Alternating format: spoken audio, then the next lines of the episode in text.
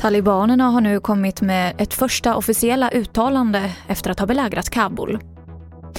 SMHI klass 2 varnar för mycket stora regnmängder och många vill göra sig av med den hund som de skaffat under pandemin.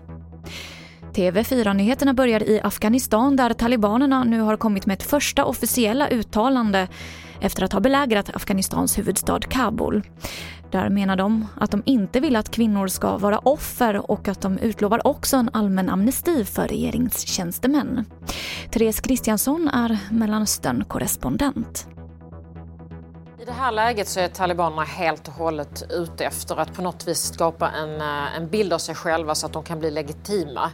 Eh, att andra länder så ska börja att erkänna dem som en stat mm. och att de också ska få hjälp att bygga upp den här statsapparaten som ju nu helt plötsligt bara har kollapsat. Eh, och detta måste ju detta måste ske väldigt snabbt annars hamnar landet i en djup kris, djupare kris än vad det redan är i. Eh, så att det är ju nog så att de verkligen vill bygga upp en fasad där mycket, mycket annorlunda än det var 96 till 2001 när de senast hade styret och ju är ökända för sin våldsamhet och brutalitet mot mm. framförallt kvinnor. SMHI klass 2 varnar för mycket stora mängder regn i Gävleborg och Dalarnas län. Och det här innebär mycket stor risk för översvämningar i källare, dagvattensystem, vägar och vattendrag. Varningen gäller från i eftermiddag till imorgon eftermiddag. På ett dygn på den här klass 2-varningen så finns det utrymme för mellan 70 till 100 millimeter med regn. Det är otroligt stora regnmängder. Det sa vår meteorolog Ulrika Elfgren.